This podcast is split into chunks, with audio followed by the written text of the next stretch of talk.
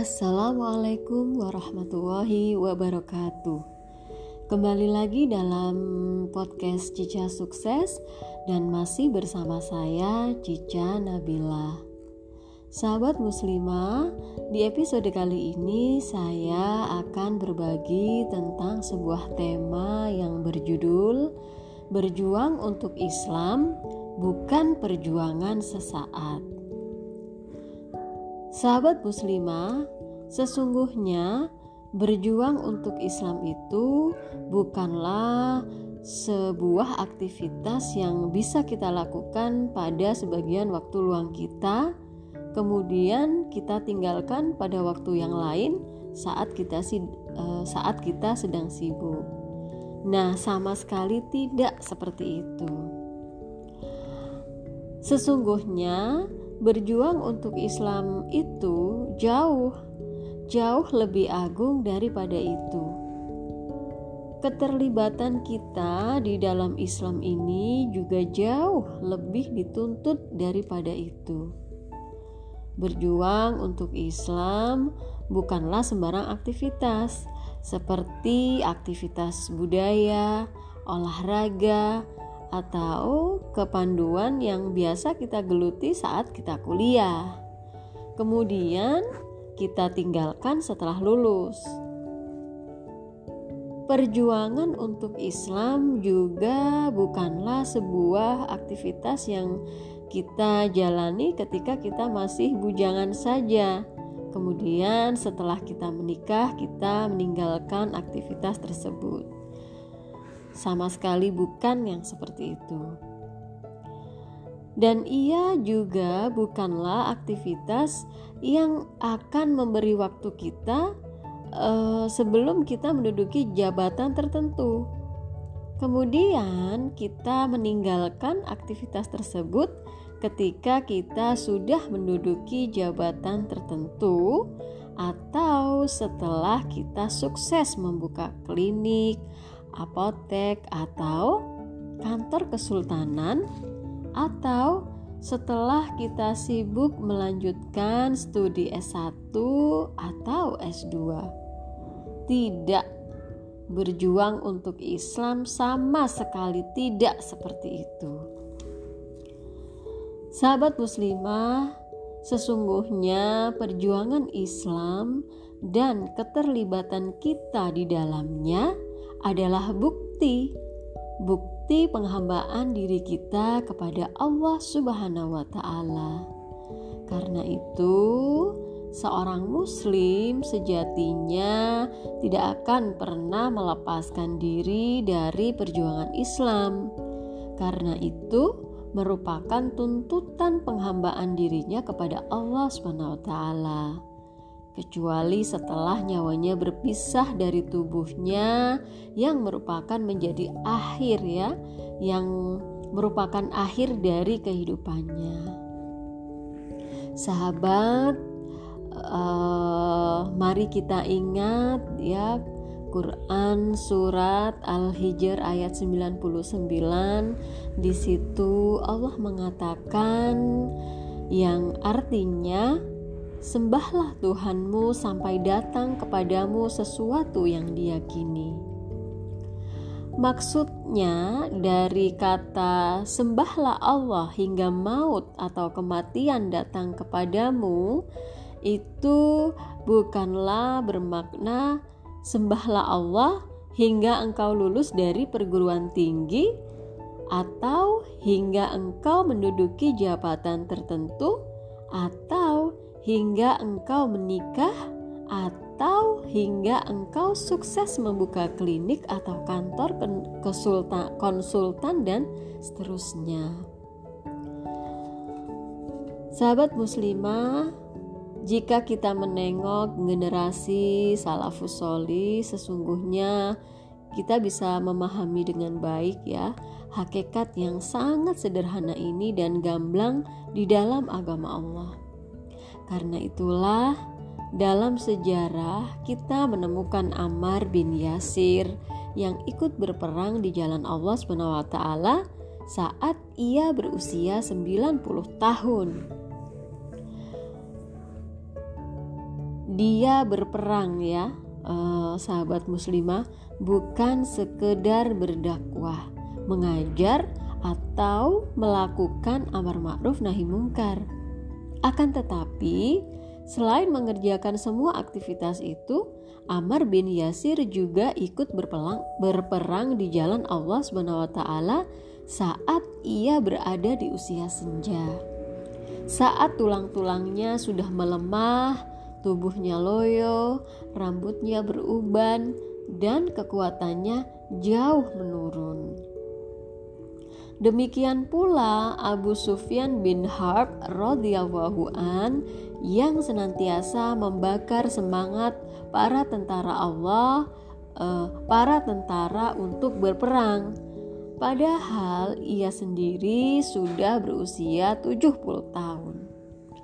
Begitu pula kita lihat Al-Yaman dan Sabit bin Waksi, keduanya berperang dalam perang Uhud, kendati berusia lanjut dan diberi keringanan oleh Rasulullah SAW yaitu dengan menempatkan keduanya di barisan belakang bersama kaum wanita.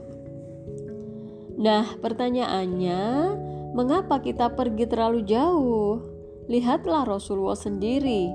Beliau terlibat dalam 27 peperangan yang semuanya beliau jalani setelah beliau berusia lebih dari 54 tahun.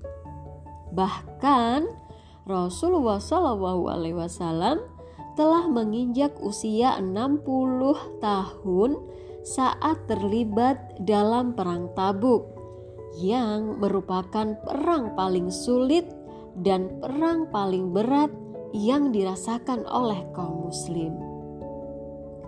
Lalu, mengapa saat ini kita malah menyaksikan banyak aktivis Islam justru tidak lagi berjuang untuk Islam, alias tidak lagi menjadi aktivis Islam setelah lulus kuliah, atau setelah menikah, atau setelah terlibat dalam kesibukan bisnis, atau setelah menduduki jabatan tertentu. Karena itu, sahabat muslimah, hendaklah mari kita mengetahui dan menyadari ya bahwa urusan agama Islam tidaklah main-main dan tidak bisa dianggap enteng. Allah dalam Quran surat An-Nur ayat 5 bu, eh, ayat 15 menyebutkan yang artinya kalian menganggapnya ringan saja padahal ia di sisi Allah itu besar. Dalam hal ini, uh, kita perlu menyadari ya bahwa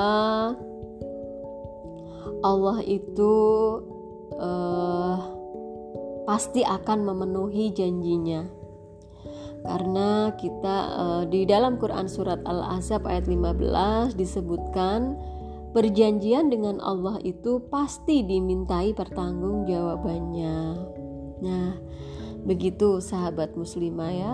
Jadi eh, ketika eh, kita harus mengingat ya bahwa akibat dari melanggar janji itu amatlah berat. Apalagi bagi orang-orang yang memang sudah tahu kebenaran lalu ia berpaling darinya.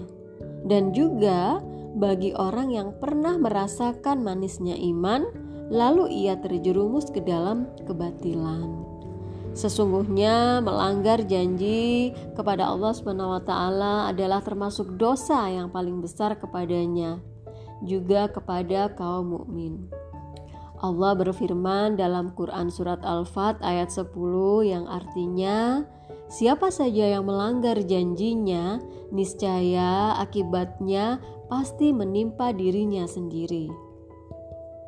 Hendaklah orang yang dirayu oleh hawa nafsunya yang selalu memerintahkan keburukan dan digoda oleh setan untuk mengingkari janji, hendaknya merenungkan firman Allah yaitu Quran surat At-Taubah ayat 75 sampai 76 yang artinya di antara mereka ada orang yang berjanji kepada Allah Sesungguhnya jika Allah memberikan sebagian karunia-Nya kepada kami, kami pasti bersedekah dan kami termasuk orang-orang yang solih. Lalu setelah Allah memberi mereka sebagian karunia-Nya, mereka kikir dengan karunia itu dan berpaling. Mereka yang selalu membelakangi kebenaran. Inilah ya sahabat muslimah yang harus kita renungkan dengan baik bagaimana adilnya Allah dan Allah itu tidak akan pernah mengingkari janji. Sesungguhnya perjuangan Islam itu merupakan agenda yang sangat penting.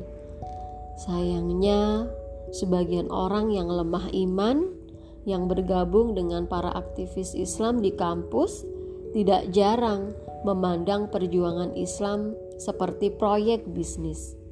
Karenanya, proyek bisnis tersebut berakhir secara otomatis begitu kuliah selesai. Sebagian mereka juga ada yang menganggap bahwa perjuangan Islam sebatas persahabatan di kampus, lalu bubar dengan ketika masa studi berakhir.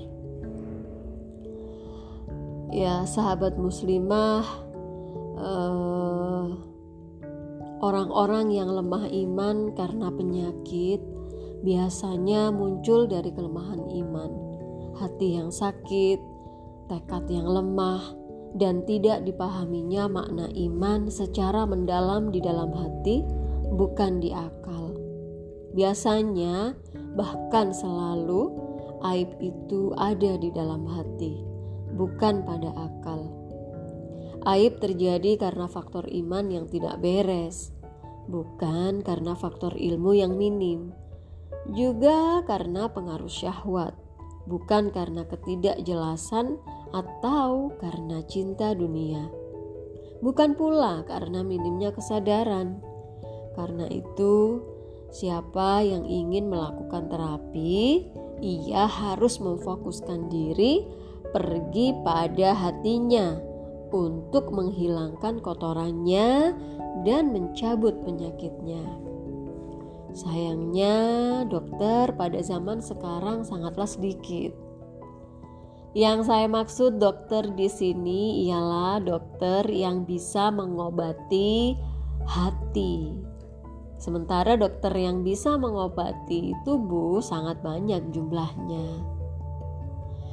Sahabat muslimah, sesungguhnya orang yang keluar dari kebenaran setelah sebelumnya mengetahuinya berarti ia lebih mementingkan kesenangan yang bersifat fana dan syahwat yang terbatas. Mencari kesenangan sesaat dengan mengorbankan kesedihan sepanjang tahun. Menjerumuskan dirinya ke dalam sumur kemaksiatan dan berpaling dari tujuan besar menuju tujuan yang remeh dan temporer. Akibatnya, ia hidup menjadi tawanan setan, terombang-ambing dalam lembah kebingungan, dan terbelenggu dalam penjara hawa nafsu. Banyak sekali kita jumpai ya orang-orang yang seperti ini. Naudzubillah min dalik Ya, semoga kita selalu istiqomah di jalan dakwah ini. Sahabat muslimah, untuk episode kali ini saya cukupkan sampai di sini. Kita akan bertemu lagi di episode berikutnya dan masih tetap di dalam podcast Cica Sukses bersama saya Cica Nabila. Billahi taufik walidayah. Wassalamualaikum warahmatullahi wabarakatuh.